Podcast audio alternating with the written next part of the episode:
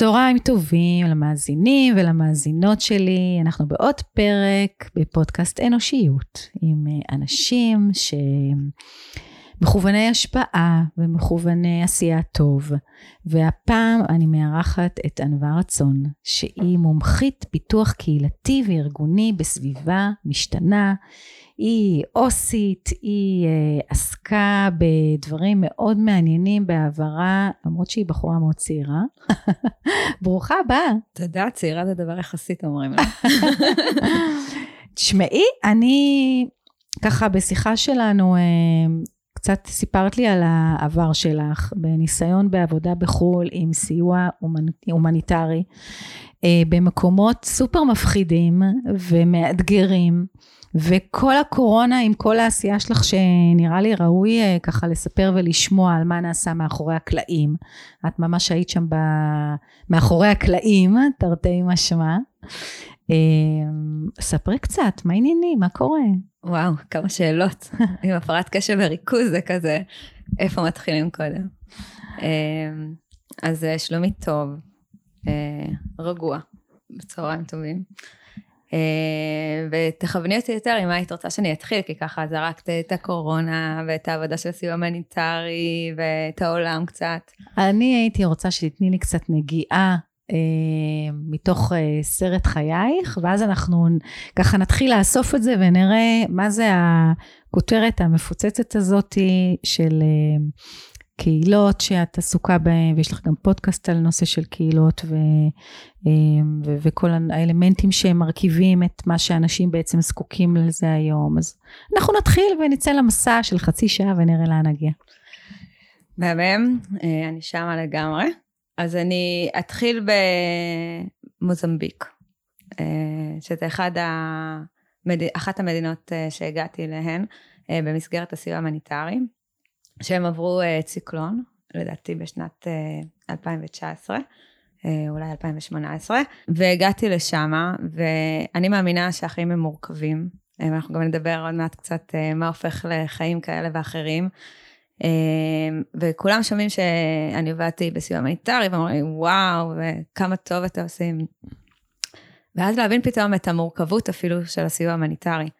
אז אה, נחתנו שם והיינו כל ארגוני הסיוע מכל העולם, וישבנו אה, כמו חמ"ל של כל ארגוני הסיוע, אה, ישבנו בשדה תעופה, ובימים הראשונים באמת ישבנו שם כולנו, ולאט לאט מתחילים להגיע עוד ילדים ועוד ילדים, כדי לבקש נדבות, כדי לבקש uh, אוכל מהאנשים שנמצאים שם, ואז את מבינה שזה תעשייה.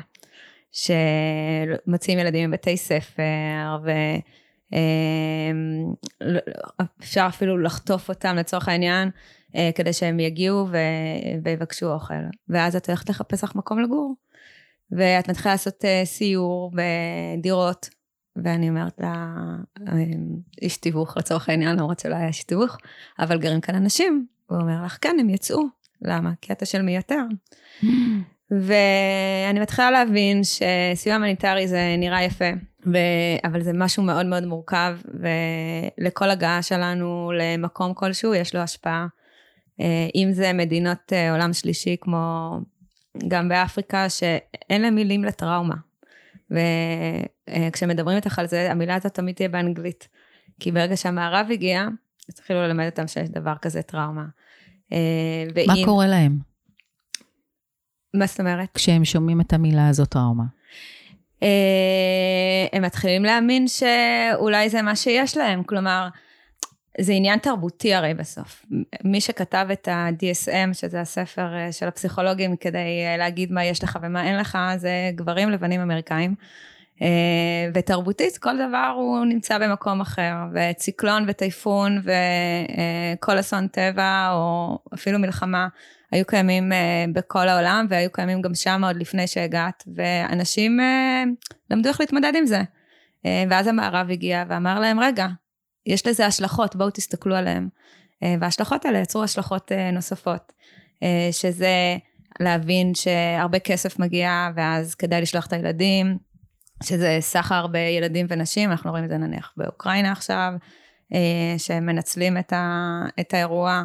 שזה בפיליפינים ראיתי את זה הרבה אנשים שלקחו הלוואות מאוד גדולות כדי לקנות רכבים להסיע את הארגוני סיוע, או קנו, קנו בתים, ויום אחד אחרי שלוש שנים, כשהכספים נגמרו, כל הארגוני סיוע עברו, והם נשארו עם החובות שלהם ועם הדברים.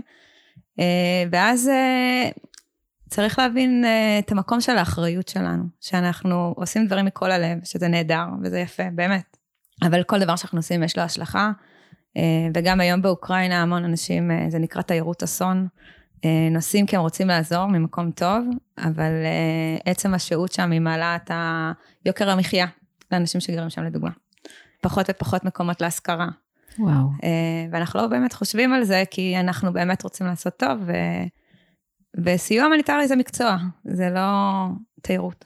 ואפשר לאזן את זה? אפשר ל- ל- איכשהו לכוון את ההשלכות האלה, שהן לא יהיו כל כך מרות? כמובן, אה, לדוגמה בארגון שעבדתי בו בישראל, אה, המון מהצוותים שלנו באיזשהו שלב הופכים לצוותים מקומיים. כלומר, המשכורות הולכות לאנשים מקומיים שעברו הכשרה, והם מותאמים או שמגיעים מהמקצוע הנכון, והם בעצם אלה שמנהלים את האופרציה, ואולי יש בן אדם או שניים אה, שמגיע מאזור אחר, וזה לא רק בישראל, זה לאט לאט אה, ארגונים עוברים אה, למודל הזה.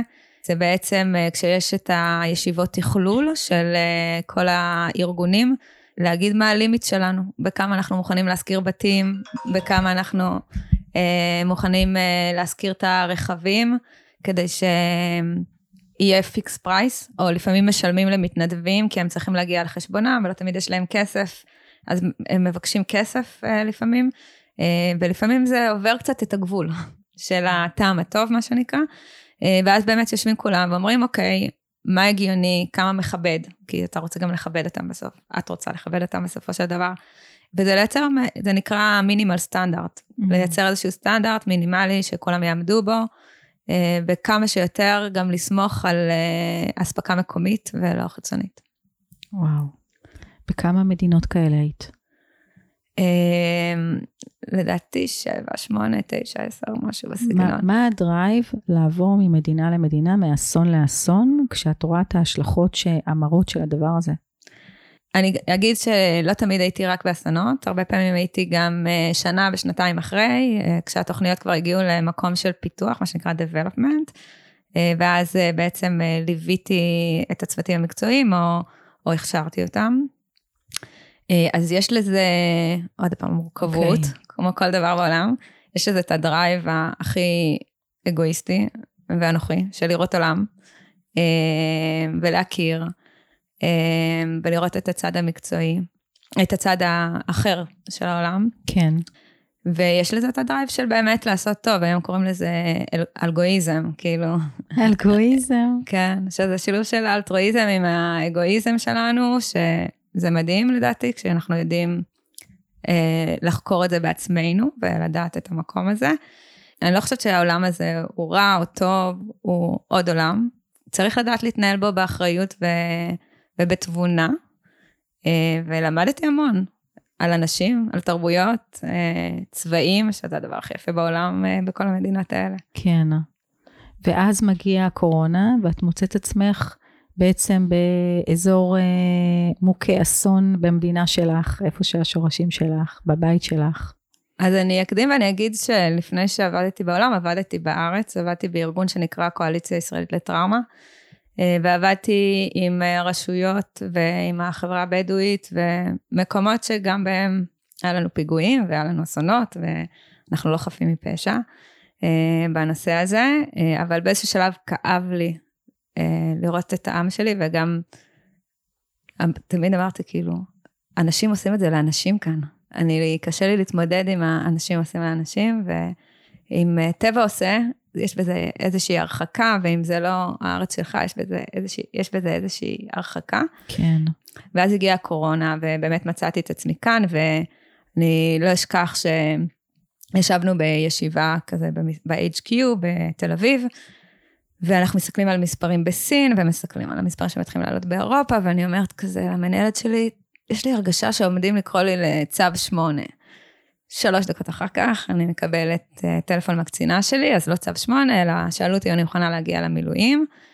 ואמרתי כן, ומצאתי את עצמי בשנת 2019, אה, אה, כשכולם יוצאים לחל"ת, מג'לגלת בין שלושה דברים, בין העסק שלי, אה, בין הסיוע ההומניטרי, שאסונות בעולם, לא, או חירומים בעולם, אסונות זה השלכה של חירום, אז אני לא תמיד אומרת אסון, גם אה. אה. הקורונה אולי היא לא אסון, כאילו. כן. וזה, אנחנו מדברים על נרטיב, וזה בדיוק כן.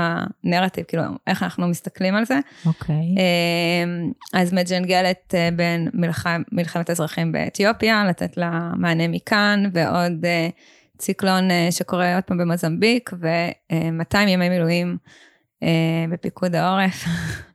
עבודה סביב השעון, אז ככה מצאתי את עצמי. שמה את עושה במילואים האלה? אז uh, לתפקיד שלי הוא תפקיד מאוד ייחודי, ב, כאילו, אה, בישראל. התפקיד הוא לא ייחודי בישראל, אלא בעולם אין כמעט תפקידים כאלה uh, במסגרות מדיניות. זה נקרא uh, קצינת התנהגות אוכלוסייה.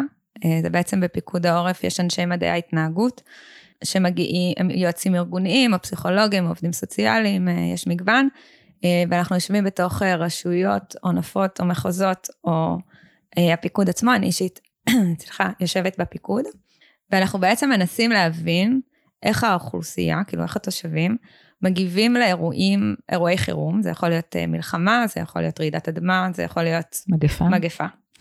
ואנחנו נותנים בעצם המלצות אה, למדיניות, איך לבנות אה, מדיניות, אה, איך ראש עיר אה, או מחלקת רווחה יכולה להתנהל, איך רואים את האנשים השקופים בתוך זה, לדוגמה, בקורונה היה לנו את כל הנושא של הקשישים והבדידות והאלימות במשפחה, ובעצם לדעת ולראות מגמות התנהגות, האם אנשים מקשיבים להנחיות, נניח במלחמה, או לא מקשיבים להנחיות, ואז מה מונע מהם להקשיב להנחיות, לנסות להבין ולהתחקות אחרי ההתנהגות שלהם, כדי לייצר מדיניות ודברים אחרים, ואנחנו אפילו, יש פעם בשנה, כמו סמינר כזה של פיקוד העורף, שמגיעים אליו מכל העולם אה, ללמוד את המקצוע הזה.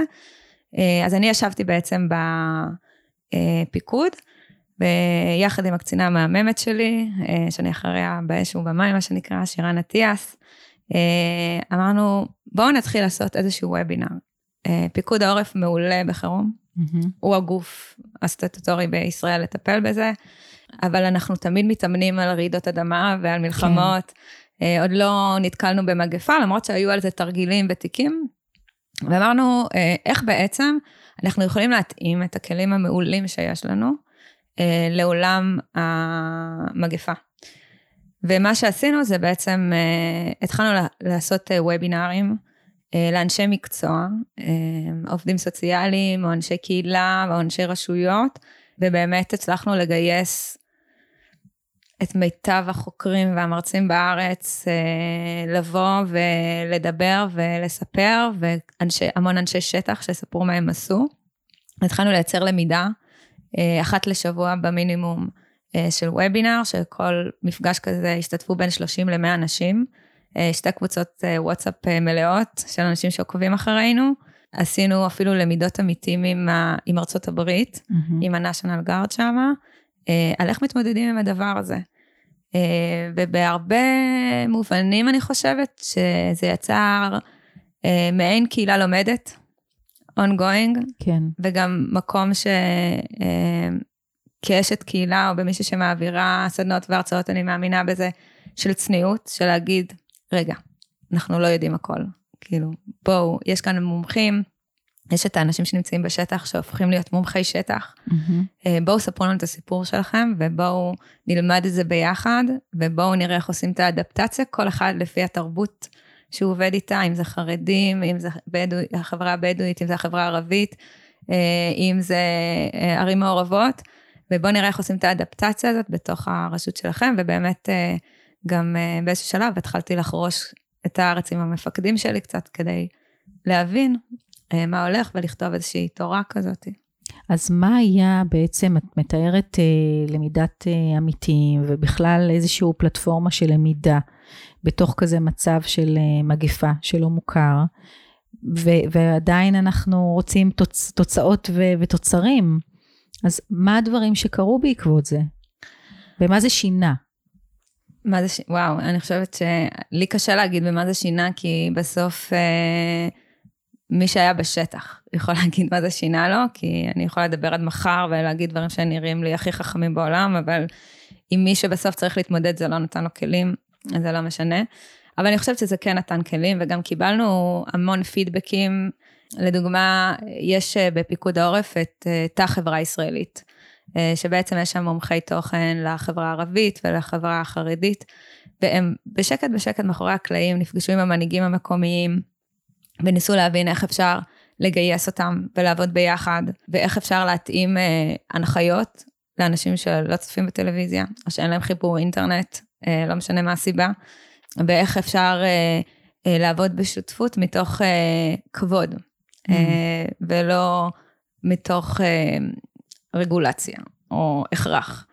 אה, ואיך אפשר לעשות את הדברים אחרת. ואני יכולה להגיד שעל הרבה, לדוגמה, כשהתחילו החיסונים, ועוד אף אחד לא ידע מה זה ה-RNA ומה זה עושה, והמון המון ספקולציות, ו... אז הבאנו את האפימידולוג אה, הראשי של אה, פיקוד העורף, פרופסור אשכנ... אשכנזי קוראים לו, הוא גם בהרווארד, הוא, הוא איש מאוד מאוד מרשים וחכם, והוא העביר לנו כמה וובינארים, וקיבלנו אחר כך אה, וואטסאפ מאיזשהו מקום אה, שאמר שבעקבות הוובינר הם פרסמו את זה אצלם ביישוב, והם הצליחו לעלות באחוזים מטורפים mm-hmm. את מספר המתחסנים במקום שבהתחלה לא רצו להתחסן בו בכלל. כן. נתנו כלים קצת, אנשים עבדו נורא נורא קשה בקורונה.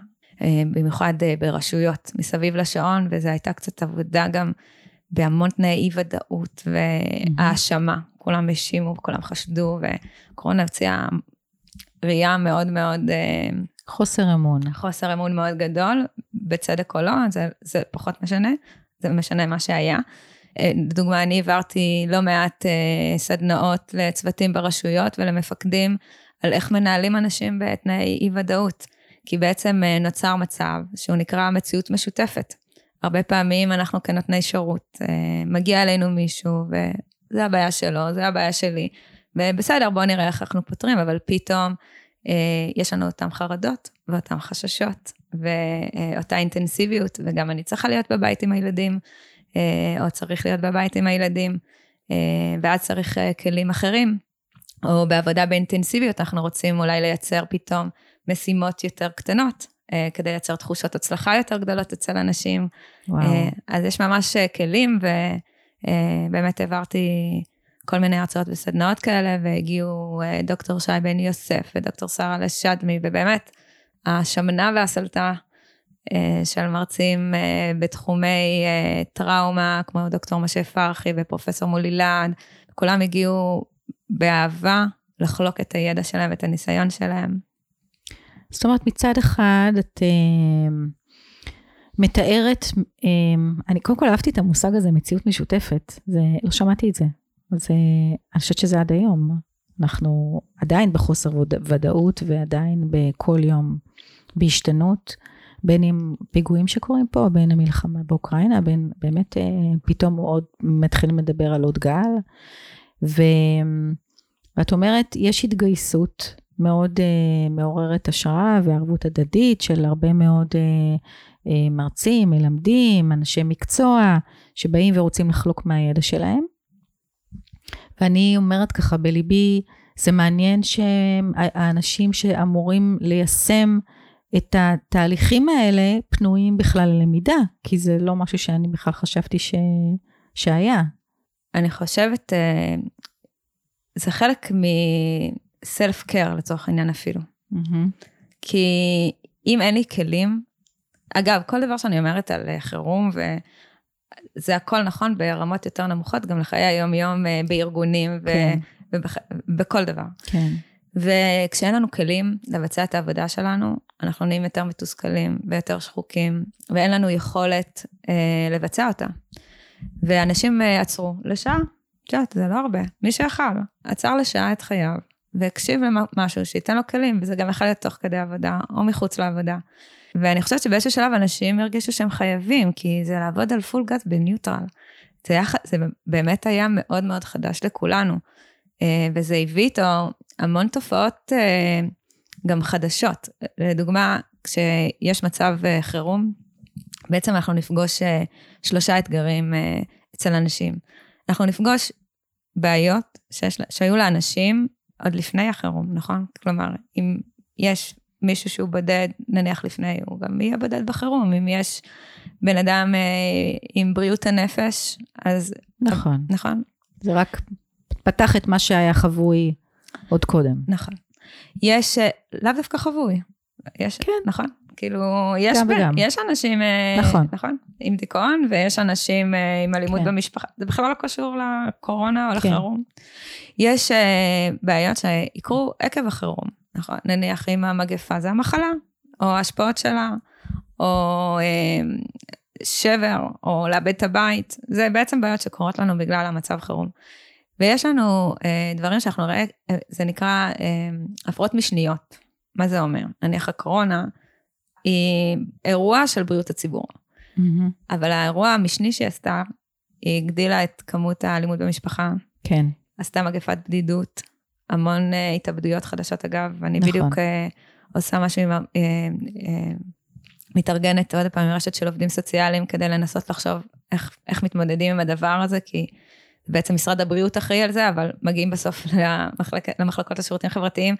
אז בעצם יש דברים משניים, שאותם הרבה פעמים אנחנו נרצה לנסות ולצפות אותם מראש, אוקיי? כי יש דברים שידועים, ואז לייצר עוד, כשהדבר מתחיל או קרה, אה, מנגנוני מניעה, כדי לא להגביר את זה. ואז אנחנו כל הזמן נצטרך לעבוד בעצם בשתי רמות.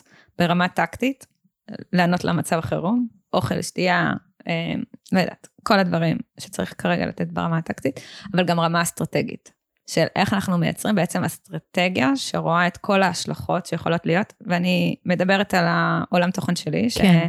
שהוא עולם יותר אה, פסיכו-סוציאלי נקרא לזה, אה, אבל זה יכול להיות גם ברמת תשתיות או כל דבר אחר. כן, אה, וננסה להבין מה יהיו ההשלכות המשניות אה, של מה שקורה עכשיו. ולנסות לייצר איזשהו מנגנונים שייתנו לנו תחושת שליטה, כן, שאנחנו על זה ואנחנו נדע להתמודד. כי הרבה פעמים אנחנו עושים דברים, עוד פעם, ממקום טוב, אבל יש להם השלכות, כן, ואנחנו צריכים אה, להתכונן. אני אתן סתם אה, דוגמה מעולם התוכן, אה, מתוכנית שעשיתי בפיליפינים, אה, אחרי אה, יולנדה שהיה שם. בעצם עשיתי תוכנית למניעת אה, סחר בבני אדם ו-domestic violence, והכשרנו שם את האנשים, והיא הצליחה. איך אני יודעת שהיא הצליחה? היו עוד פניות למחלקת הרווחה שם, אבל מה לא עשינו? מה? לא הגדלנו את כמות כוח האדם. אז אנשים אה. בעצם הגיעו אוקיי. ולא קיבלו מענה, וזה גורם בעצם לתסכול יותר גבוה. כן, אה, והיינו צריכים שנייה לעצור ולחשוב מחדש איך מייצרים את זה, כי תקציב, עוד תקציב הם לא יקבלו, אבל כן. איך אפשר כן לפתח איזושהי מערכת שתיתן מענה לאנשים שזקוקים לזה. תגידי, כל המסעות האלה, והייתה איזושהי, פתאום איזושהי הפוגה בתוך הקורונה, וגם סיימת את המילואים. מה קורה לך בסוף? לך, באופן אישי. תשישות. מצאת אותי בסיני הרבה פעמים, כאילו נראה לי, מאז שסיימתי הייתי בסיני איזה ארבע פעמים. אוקיי. אה, שנייה לעצירה, ואין שם קליטה, שזה מדהים, וניקיון של ראש. אבל אה, אבל מה את מבינה? מה זה יצר, מה זה חידש בך בכל התובנות, הבנות שלך? בי, וואו. דבר ראשון, הבנתי שאני אשת מקצוע, אני חושבת. אה, אוקיי. פתאום הבנתי את זה, שיש לי המון לתת. מהמם. שיש בי משמעות, כלומר, שאני יכולה לתת משמעות. הבנתי שאני שייכת לגוף מקצועי אה, ולאנשי מקצוע מעולים, אה, גם אה, בעולם אה, החירום, אה, גם בפיקוד העורף, גם בסיוע הומניטרי.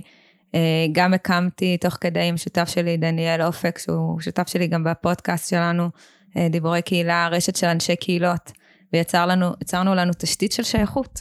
שבעצם תעזור לנו לעבור את התקופה המשוגעת הזאת.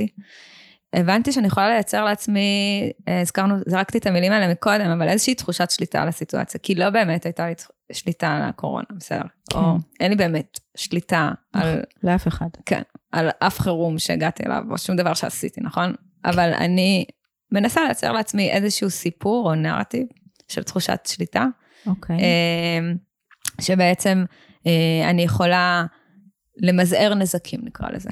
מהמם. אה, ולהצ... ולספר לעצמי בסוף סיפור של הצלחה, שזה הנרטיב שלנו, אוקיי? כאילו, יכולתי להגיד, וואו, עבדתי כל כך קשה, אין לי כוח. אבל עשיתי שנייה עצירה ואמרתי, אוקיי, איך אני עושה מה שנקרא בעולם הטיפולי reframing. אה, לכל הסיפור הזה, ומה קרה, ואיך אני צומחת ממנו, ו- ומה אני עושה, ואני חושבת שבסוף ייצרתי את זה. ואגב, אני לא חושבת שזה קשור אליי, אני חושבת שזה ארבעה דברים בסופו של דבר, שאם יש משהו שלמדתי על התרבויות השונות ועל העולם ועל הצרכים של אנשים, זה ארבעת הדברים האלה, אה, בין אם זה עובד בארגון ובין אם זה מישהו שגר בכפר, כן. אה, לא יודעת איפה. אז מדברת על ארבעה אלמנטים שאת מצאת אותם קודם כל בעצמך, ואז חיברת בעצם מכל העשייה והדברים שאת עשית, בעצם ארבעה מרכיבים של, שאת מונה אותם שייכות, משמעות, תחושת שליטה ו- ונרטיב. שנרטיב זה, זה, את מדברת על בחירה של הסיפור שאת מספרת לעצמך. ממש ככה. כי אם ממש נחשוב על זה, אז uh, כל דבר שקורה לנו בחיים, סתם, אני חושבת על פוסט, אני מצטערת שאני לוקחת את זה כל הזמן לאסונות, אבל כן, אנחנו כן. כאן על זה. Uh, שהיום קראתי בסטטוסים מצייצים של מישהו שכתב, uh, יש את uh, האשמה של, הכ... של, יש את תחושת האשמה של הניצולים, נניח. Okay. מישהו אוקיי. שישב בפאב אחר בדיזנגוף, כן. ואמר, אני לא יכול להתנער מזה, שהם מתו ואני לא. כן. ומה זה אומר בעצם. וזה דרך אחת להסתכל על זה. ובעצם, אם נחשוב על זה, מי שמאיתנו עבר טיפול, או mm-hmm. נמצא בטיפול, אה, זה מה שאנחנו עושים בטיפול. אנחנו מנסים אה, להבין את הסיטואציה, כן. ולראות אותה דרך משקפיים אחרות. כן. כאילו, וואו, ניצלתי. נכון. איזה מזל יש לי. כן. מה אני יכול לעשות עם זה עכשיו? כן. האם יש לי בשורה שאני רוצה לבשר לעולם? ואגב, זה לא רק אני אומרת, אני פשוט עשיתי כאן מישמש מכל מיני תיאוריות, אה, ולקחתי את זה לתיאוריה אחת, אה, שמדברת באמת אה, על ארבעת האלמנטים האלה. ואני חושבת שהיום רואים את זה, אפשר לראות את זה בכל דבר. וכמו שאמרתי מקודם, שאני מדברת על חירום, אבל אפשר לראות את זה גם בחיי היום-יום, אז אפילו אם אנחנו הולכים, שמעתי בפודקאסט שלך כמה פרקים על העזיבה המקצועית ועל, כן. ועל אנשי מקצוע, אז uh, בסקרים שעושים, אנשים היום, השכר, זה לא הדבר שהכי מדבר עליהם, מה הם מחפשים? משמעות. בעבודה, בשי... ביטוי, הכרה, שייכות. וזה כל הדברים האלה, ואיזשהו סיפור גם, שיהיה כן, להם בתוך המקום סיפור. עבודה.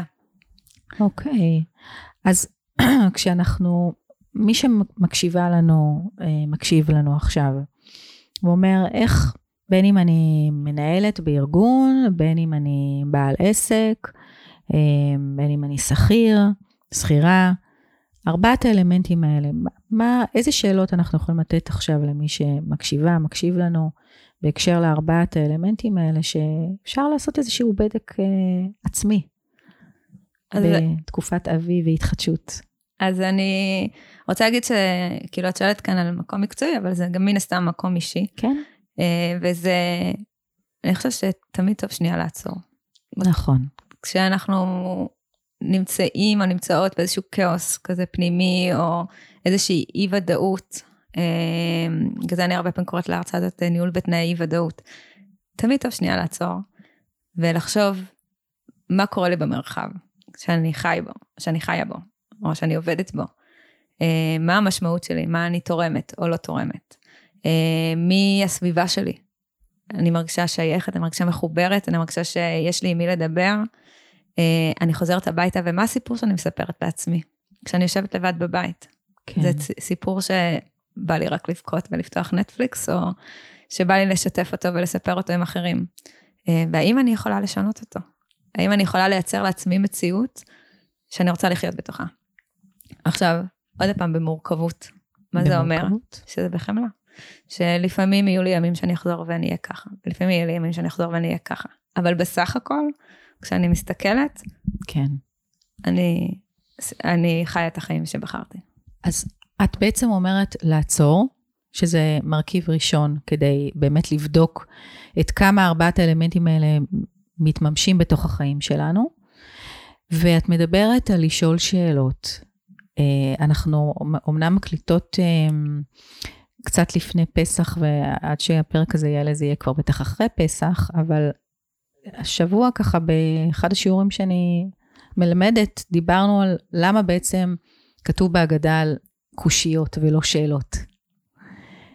כי לשאול את עצמנו שאלות כמו שאת אמרת, זה קשה, וזה מורכב. זה, לכן זה קושיות, כי, כי יש כאן שאלות אה, שהן, אה, קשה לנו, אם אנחנו לא עוצרים ועוצרות, ל- לתת את התשובה לעצמנו באמת. ואני רוצה לראות לך עוד פעם את הנרטיב הזה, ומהמקום של קשה, להגיד, וואו, איזה פריבילגית אני. אני יכולה לעצור ולשאול את עצמי שאלות. אני לא חיה במצב קיומי של אה, הישרדות, ש... נכון. איזה זכות יש לי לשאול שאלות, אני צריכה לאכול. ו, ו, וזה עוד פעם, זה, זה סיפור אחר, זה להסתכל על אותו הדבר מזווית אחרת, ולהגיד, וואו, כמה פריבילגיה יש לי שאני יכולה לעצור ולשאול את עצמי שאלות ולחקור, וגם לזכור שזה תהליך ולטעות, ולדעת שאני אטעה ואני עדיין אוכל לשאול את עצמי שאלות. כן. אה, וזה המון אמונה כן. אה, עצמית ובעולם.